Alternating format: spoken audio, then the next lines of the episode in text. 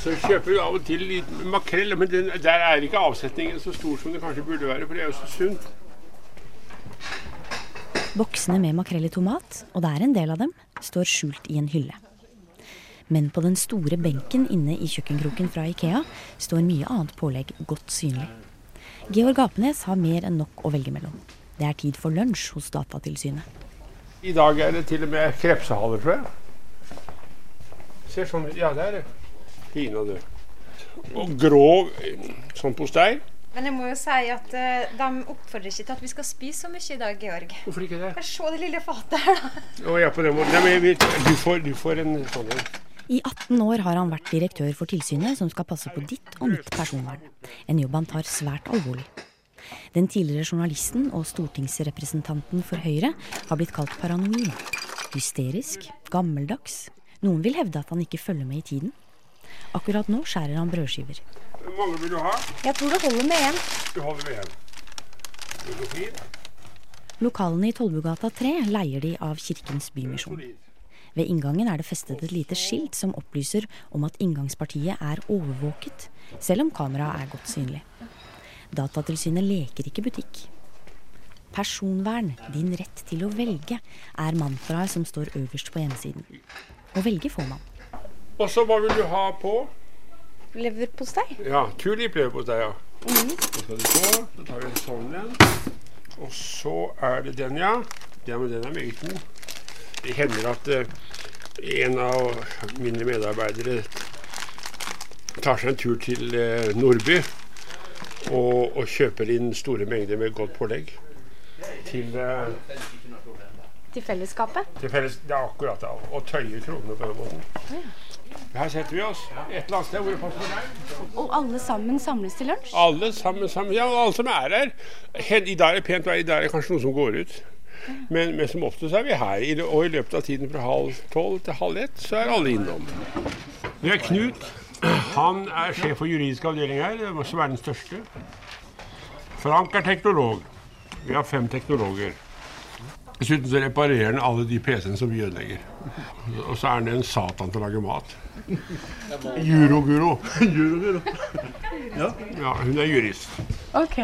Og, kan du komme og sette deg, Ove. Han er informasjonssjef. Rundt 15 medarbeidere har samlet seg ved langbordet i det store spiserommet. Det snakkes med mat i munnen.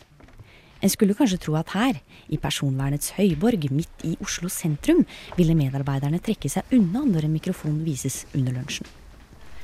For samler man informasjon om mennesker, er premissene for hvorfor informasjonen samles, hva den skal brukes til, og hvordan den skal brukes, helt essensielt. Men direktøren har selvfølgelig varslet om besøket, som skal være et portrettintervju på forhånd. Medarbeidere vi har hørt navnet på mange ganger, tar ordet, og Georg lar dem slippe til. Informasjonssjef Ove Skåra forklarer. Ja, man, man må like å vise seg fram hvis man jobber i Datatilsynet. Det har vi lært av Georg. Ja, og, og det, det har vært min policy i de 18 årene jeg har vært her. La medarbeiderne komme til orde. De det er de som kan sakene, det er de som kan svare.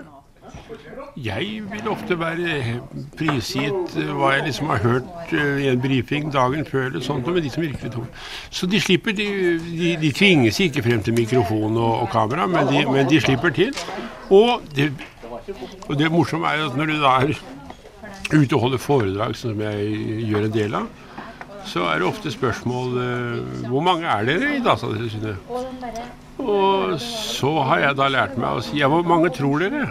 Jeg tror du sa det til meg. Ja, og, og, og, og da svarer mange ja, et sted mellom 200 og 300, og så er vi 30 altså. Det betyr jo at i dagens mediesamfunn så lykkes vi i å gjøre oss synlige og hørlige.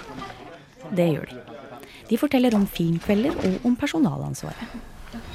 Ja, vi har nemlig en tradisjon. Når det er skistafett, så samles vi. Det er en del. Ja, det har vi også. ja. Ja. Personvernrelaterte spillefilmer har vi av og til. og Da kjøper vi pizza. Hvem er det som har personalansvar her? Ja, det, alle har det. Alle? Det er vel egentlig ingen som har det formelle ansvaret, men det er veldig mange som er flinke til å påta seg. Ja, ja, det er sånn. Men mest av alt snakker de om personvern. Veldig mange av disse samtalene her har en tendens til å munne ut i en eller annen personvernproblemstilling. Det, det er veldig mye engasjement. Utrolig mye engasjement. Noen leser aviser, og noen snakker om fotball. Men veldig ofte så vil disse seansene rundt bordet her ende i at man forhører seg om saker og problemstillinger. Du, jeg har fått det brevet i dag. Der sier de sånn og sånn. Hva skal vi svare på det? Så det er veldig inspirerende arbeidsplass. Det er veldig lite skråsikkerhet her. Og det er et veldig sympatisk uh, element i, et, i, en kultur at man uh, sier du, hør nå her, hvordan, hvordan, ser du på dette her? Uh, jeg lurer på sånn eller sånn. Eller, men, men, men, jeg ser også motforestillinger, ikke sant? Altså innad, innad ja, innad her, ja. ja, ja. Vi sier ofte at det er flere meninger enn det er personer. Ja, nettopp. Ja, ja det er sant. Og det er ganske godt uttrykk. Og det, det gir jo Derfor så tør jo folk, da. De hører jo at andre tviler og lurer. Det er ikke noe sånt. Til tross for at jeg sier at vi er en blanding av storfamilie og dissentermenighet, så, så er det jo ikke noe sånn uh, hallelujastemning på noen som helst slags måte. I hvert fall syns ikke jeg det er det. Ja, For dere tør å være kjempeuenige også? Ja, ja, ja. ja. Det, det, mest krevende har vært å bløffe til mer kunnskap enn jeg egentlig har som snakker litt sånn hverdagslig om internett og aksess. Ikke si internettet. Nei, ikke si det. Nei. Men jeg skjønner, jo, jeg skjønner jo i hvert fall hva som ligger i utfordringen. Altså tilgjengeligheten til denne gigantiske, åpne datafil som jo internett på sett og vis er. Og Det er jo noe av de store utfordringene vi står overfor nå. Det er holdt jeg på å si, å, å, å kontrollere at de som forsøker å styre informasjonen, f.eks. I, i intranett, at de da virkelig kan det? Eller, eller er det slik at uh, dette er uh, noe som alle kloden rundt bokstavelig talt har adgang til? Skal vi, skal vi gå inn til meg?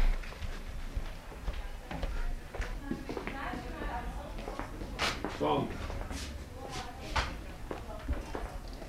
Der står det 'forstyrr ikke'.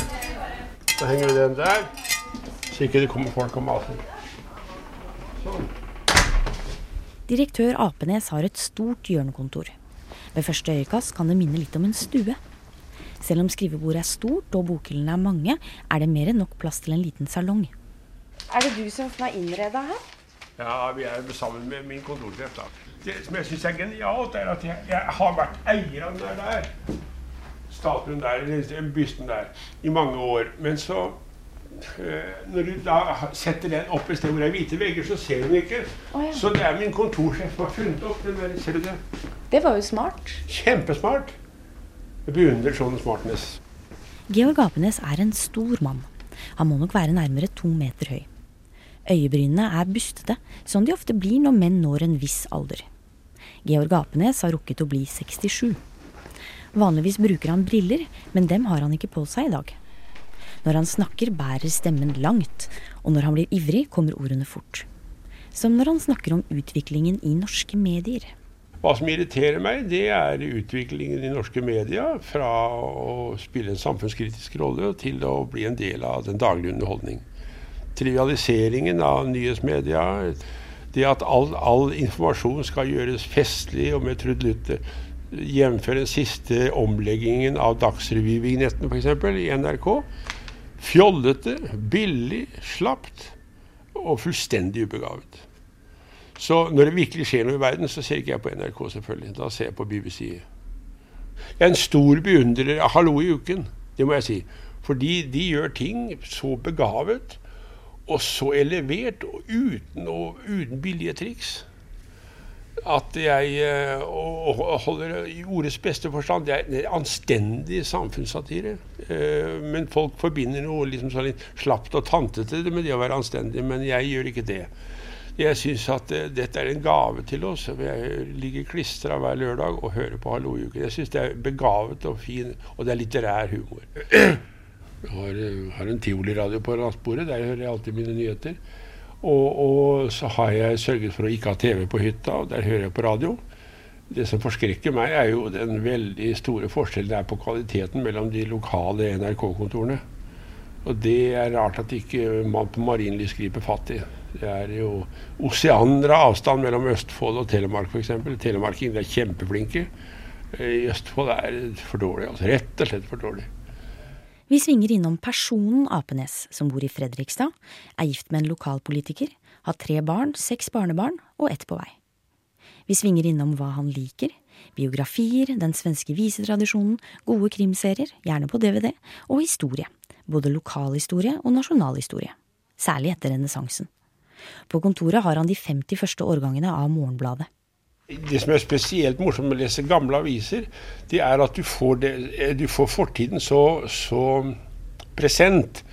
Eh, det er, det er, ikke silt gjennom en historiker som har skrevet om en epoke eller en begivenhet. Du leser annonser og et stort jeg mener, tenk, Folk averterer fordi de har mistet en strømpe på veien fra Lysaker til Oslo. Så, så, så, betyr det jo masse. Det betyr at, eh, at dette var Verden gikk under fordi de mistet en strømpe for å ta sånne trivialia. Men det er lett å vende tilbake til personvernet. For det er ikke uten grunn at Georg Apenes har blitt kalt en kriger for nettopp personvernet. Enhver borger som er oppriktig overfor seg selv, vil vel måtte innrømme at av og til vil den, hun eller han vite seg ujaktet.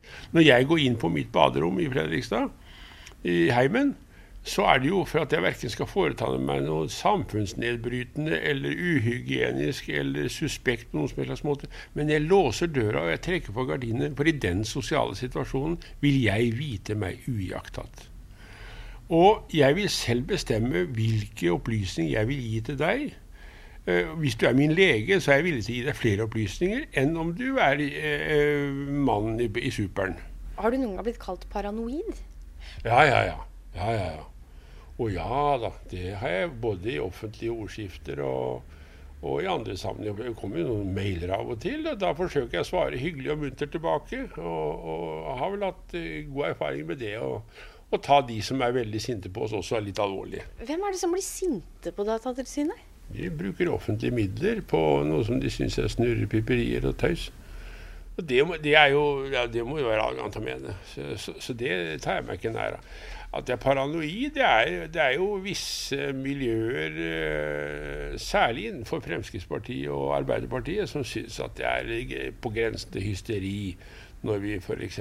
syns at det bør være en begrensning i måten offentlige myndigheter skal kunne skaffe seg opplysninger om borgeren på. For det, det er jo institusjoner som bare vil oss vel. Men, eh, men ellers så tror jeg nok det er riktig å si at det norske Datatilsynet særlig i media, men, men også på Løvebakken, har uh, rimelig god forståelse og respekt. Og det, det, det, det, jeg sier dette, er ikke en selvfølge overalt i Europa. Mange av mine kolleger har uh, tøffe tider. Bergens Tidende skriver 25.9.2006 i en leder, og dette er i forbindelse med GPS i bilen. Ja. Eh, men to ting kan sies om Datatilsynets virksomhet. Den blir både misforstått og oversett. Ja. Hva sier du da? Ja, Den blir vel mer oversett enn misforstått.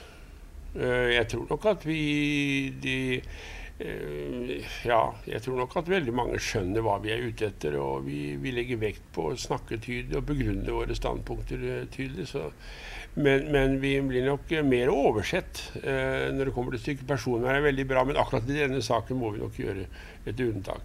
Og, og, Hvem er det som overser dere? Nei, Det kan være hele Løvebakken, det. Eh, hender det at du, at du, føler at dere taler for døve ører? Ja, ja. Klart. Uh, særlig når vi da taler gjennom media som ikke har tid til å høre. Men om noen dager vil Georg Apenes få fri.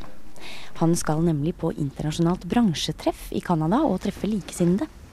Og der vil sannsynligvis de døve ørene være i mindretall.